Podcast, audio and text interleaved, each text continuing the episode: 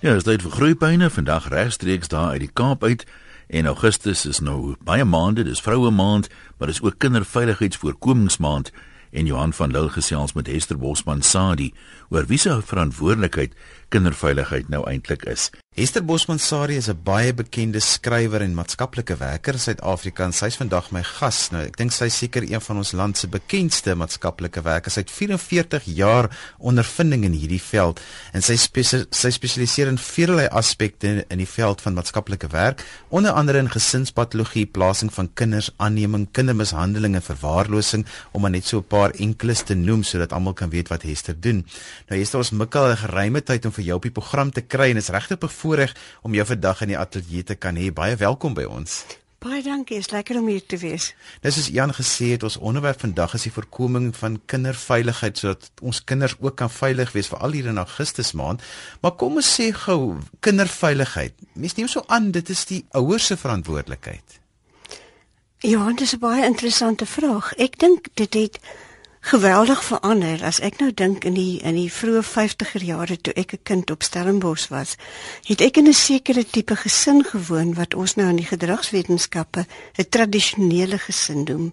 Dit is die gesin waar die pa die broodwinner is en waar die ma voltyds by die huis is en hoofsaaklik die fisiese opvoeder van die kinders is. Maar in die afgelope 50 of 60 jaar het aspekte van gesinne geweldig verander en is amper vandag die norm om werkende maans te kry en dan kom 'n mens nou by die by die ehm um, persone wat dan nou die kind versorg wat aangewys word deur die ouer. Daar's talle voorbeelde van sulke persone. So ek ek dink vandag het ons meer te doen met 'n kind wat nie eksklusief groot word en dit is nie net die ma se veiligheid nie. Die die die ma se ehm um, keuse of die maas dit is die versorger. Ja, in die kinders se wêreld sê ons baie keer op groeipyne is nie soveel anders as 50 jaar gelede. Ja, dis eindeloos anders, veral omdat die meeste kinders nie die beskerming van hulle van hulle eie ouers in hulle eie huis geniet dwars deur die dag, soos wat dit die geval was nie. Die wêreld is ook baie meer onveilig as wat hy toe was. Esther, vertel vir ons wanneer kry 'n kind die meeste seer en wanneer kom die meeste kinderbeserings dan nou voor? Die meeste kinderbeserings kom voor wanneer twee mense albei dink die ander een is op die stadium verantwoordelik vir die kind se versorging. Wanneer die ouma dink die ma kyk en die ma dink die ouma kyk en die kind stap in die straat uit. So die eerste ding wat ouers moet doen is om baie baie seker te maak wie is hierdie versorger? Is dit 'n dagmoeder? Is dit miskien by 'n bewaarskool?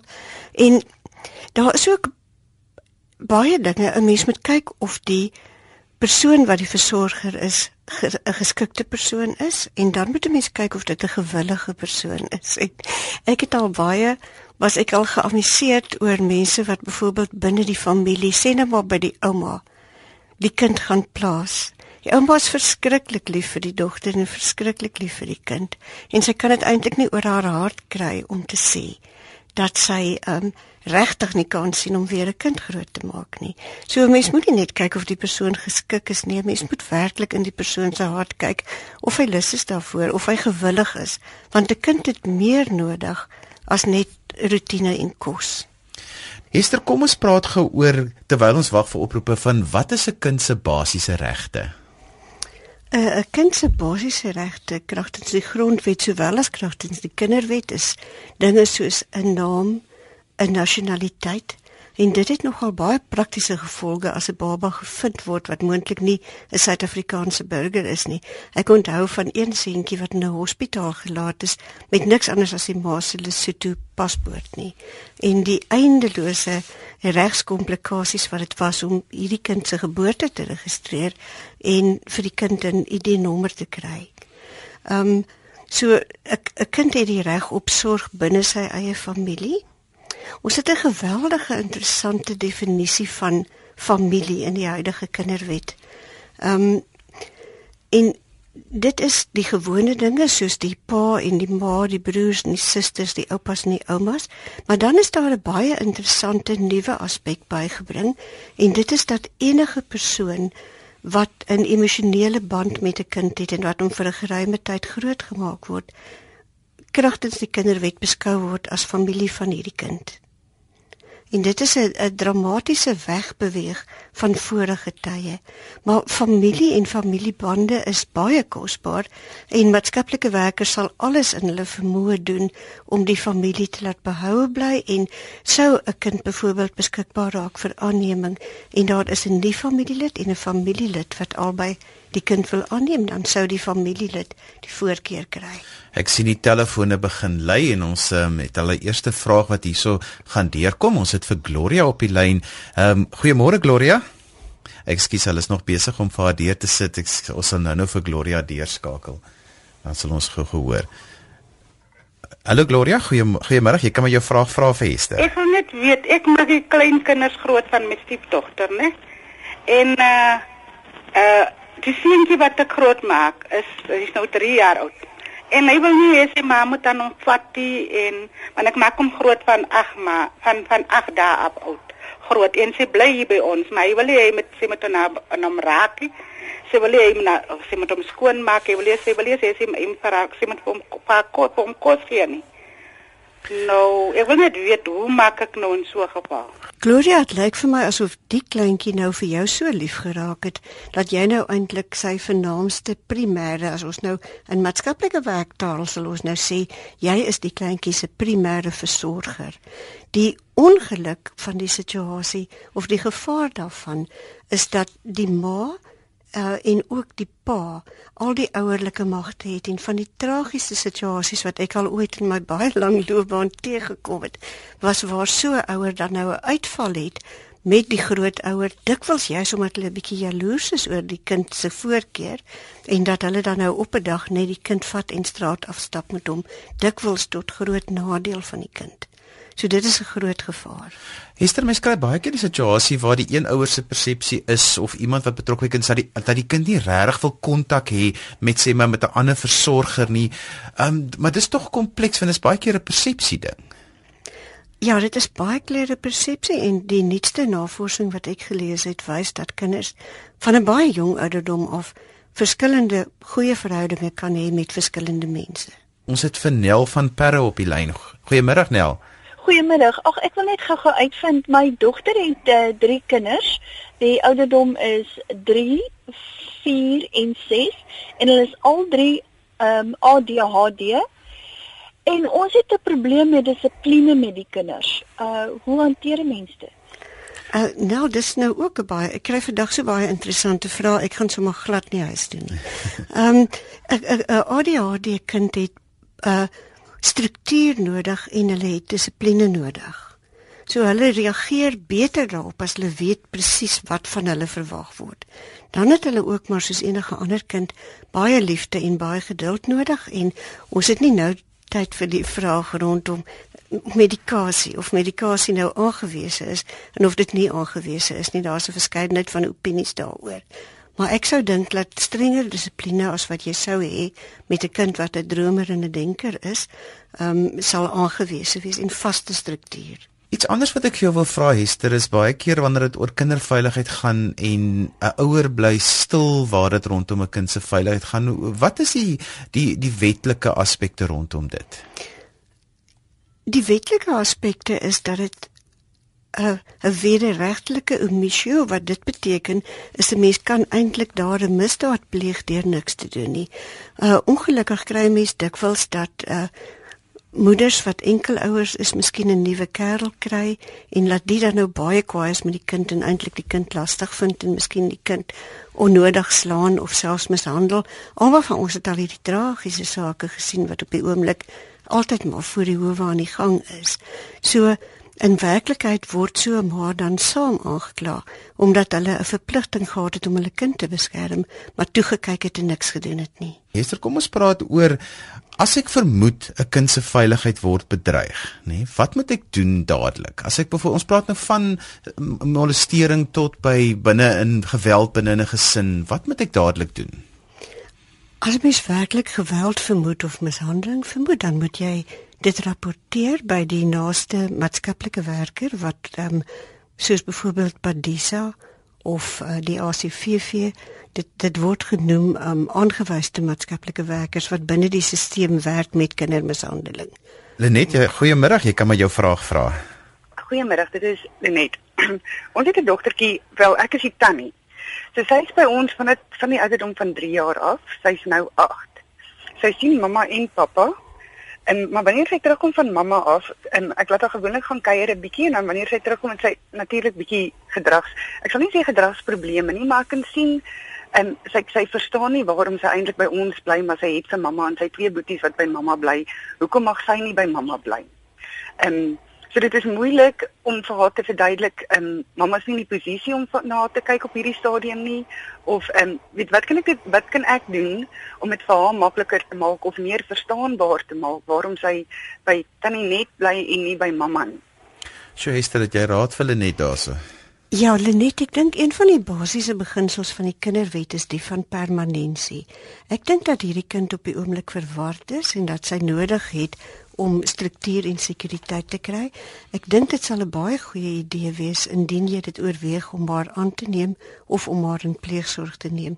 Ek wil terselfdertyd ook baie vinnig daarby sê dat dit nie beteken dat sy nie enige verdere kontak sal hê met haar ma of met haar ouers nie. En dan ek het empatie met die dogtertjie want dit is een van die swaarste dinge om te verstaan as 'n mens se ma 'n ander kind grootmaak maar nie kan sien om jou groot te maak nie want dit laat 'n mens twyfel aan jou waarde in die oë van jou ma. So in alle opsigte sou ek baie graag hier 'n permanente reëling bou hê waar jy eerder die aanneem of die pleegouer is afhangende van die omstandighede. Maar hierdie vraag wat sy nou gevra het, begin nog of my aansluit Hester by Ubuntu en wanneer weet wanneer ek 'n kind grootmaak wat ook in 'n weet iemand anders se kind groot, daai hele storie van wat jy ook net of my voorheen het gesê van Hillary Clinton wat sê takes a village to raise a child. Ja, ek dink dat as gevolg van die sosiologiese veranderinge in die samelewing en die feit dat die ma as die primêre versorger dikwels nie meer deur die dag beskikbaar is om die kind te versorg nie, uh, moet ons wegkom van die ou idees dat dit mens dat dit jou bure se privaatheid sal skend. 'n Mens het in werklikheid deesdae met die samelewing soos wat hy lyk en met al die gevare en al die kindermolestering en die verskriklike moorde wat ons in die Kaap nou nog voorwil terugduins wat ons die afgelope tyd gesien het, het 'n mens ook 'n breër verantwoordelikheid en jy het ook 'n verantwoordelikheid teenoor enige kind jy as groot mens. Die kinderwet praat ook baie van versorgers, caregivers van kinders en saam met hierdie posisie as versorger gaan daar baie ernstige verpligtinge soos om te sorg dat die kind veilig is. So ek wil net weer beklemtoon dat 'n mens moet baie vasstel van oomblik tot oomblik amper wie aanvaar nou verantwoordelikheid vir hierdie kind ek en wil, vir sy veiligheid. En dis ek wil juist hierop inkom is 'n baie interessante SMS wat deur gekom is. Ek is geskei en weer getroud. My eksman weier om my nuwe man se rol as vaderfiguur te aanvaar. Watter regte het my man ten opsigte van my dogtertjie? Hoe maak hy maak haar al groot vanaf hy 1 jaar oud is. Ek neem aan dit is in die regte van die nuwe die nuwe wederhelfte. Ek weet dis is vir my baie interessant die meer as 40 jaar wat ek nou hier op die uh, met die gesinsreg besig is, is dit vir my baie interessant. Dit voel vir my asof daar elke slag iemand is wat aan die onderpunt is en wat eintlik die verantwoordelikheid moet aanvaar sonder dat hy in werklikheid um, die die regte kry. En op hierdie stadium is dit die stiefpa. Tot so 25 jaar gelede was dit die natuurlike pa wat moes buite staan en hoop vir 'n vir 'n en gedink het hy's gelukkig as die ma hom toelaat om die kind te sien. Toe kry die natuurlike pa volle ouerlike regte in die meeste gevalle. En nou op hierdie stadium ervaar ek dat stiefpaans reg het moet hemel toe gaan, want hulle het um groot verantwoordelikhede. Hulle gaan tog nou nie hierdie kind nie kos gee ja. omdat die pa nie onderhoud betaal of nie inkomste het nie so. In werklikheid tegnies gesproke het die het die stiefpa geen regte nie, maar 'n vreeslike klomp verpligtinge. Ekskuus Hester, ek moet jou so 'n bietjie aanjaag daarso want Henry van Kuruman is op die lyn. Uh, Goeiemôre Henry, jy kan jou vraag vra vir Hester.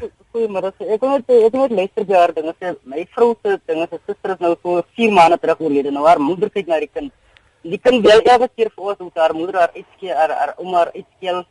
En sy het se se pas se sy nog kind was by Barbie kind was dit toe haar toe sy verkrag nou skeel haar maar elke keer met daai dinge uit en sy drink verskriklik want kind wil nou by ons kom by ek en my vrou kom bly nou. Dit ons nie wat gaan ons doen nie. Dis reg, kom ons hoor Esther, dit is nog 'n moeilike situasie. Baie baie graag wil weet, dankie, dis 'n interessante vraag. Ek sou baie graag wil weet hoe oud is hierdie kind want in die Suid-Afrikaanse reg hoe ouer die kind word, hoe 'n groter inspraak het die kind en so van die ouderdom van 10 jaar oud af begin ons aanvaar dat die kind oor die intellektuele kapasiteit beskik om te verstaan wat hy nou eintlik wil vra.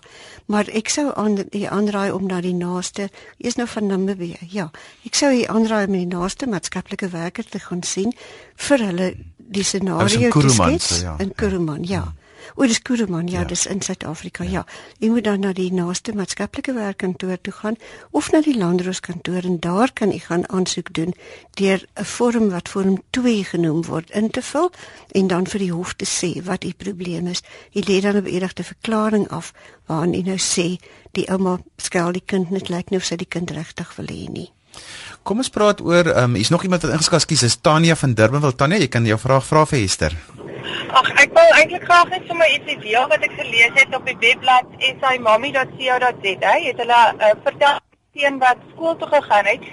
Maar ehm um, en by die skool waar 'n familielid hom optel, maar hy en sy ma was baie intelligent geweest en hulle het 'n reële met mekaar getref en gesê as iemand jou sou by die skool optel, dat hulle 'n wagwoord het daarvoor en toe familielid nie die wagwoord ken nie, toe sê die seun jammer, hy gaan nie saam met die persoon ry nie. So ek wil sommer net dit ja, ek dink dit is 'n baie handige stukkie advies vir ons ouers daar buite.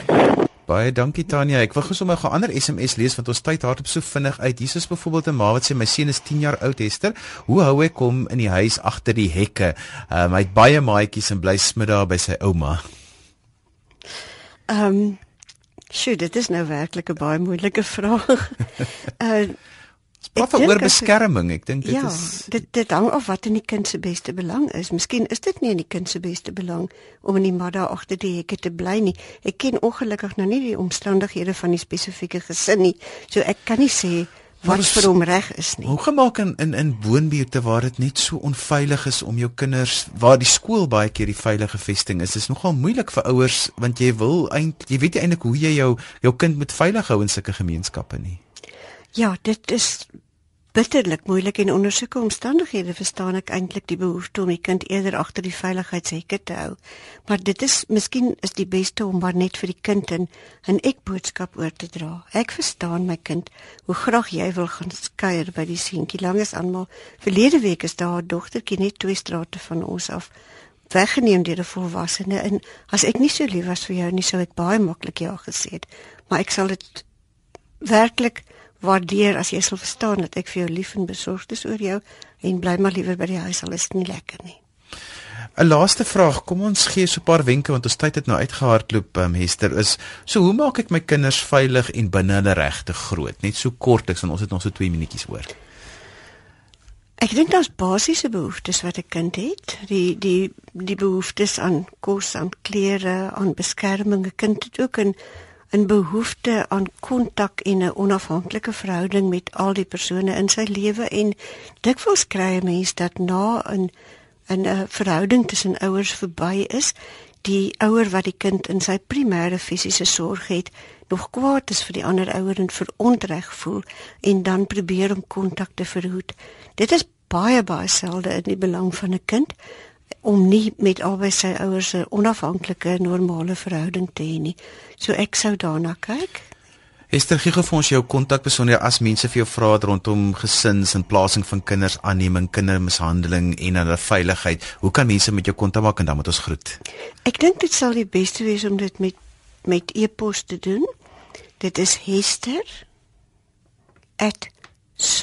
hester@soc.serve so social services is S O C S E R V E um .co.za Dis dan die beste manier. Ons sal ook op Facebook sal ons dan ook Hester se kontakbesonderhede plaas indien jy vir haar direk wil vra vra en jy kan dan met haar kontak maak. Hester baie dankie vir lekker saamgesels. Ons gaan binnekort nog gesprekke hê rondom die aspekte waarop jy kenner is. Baie dankie. Ek het dit werklik geniet.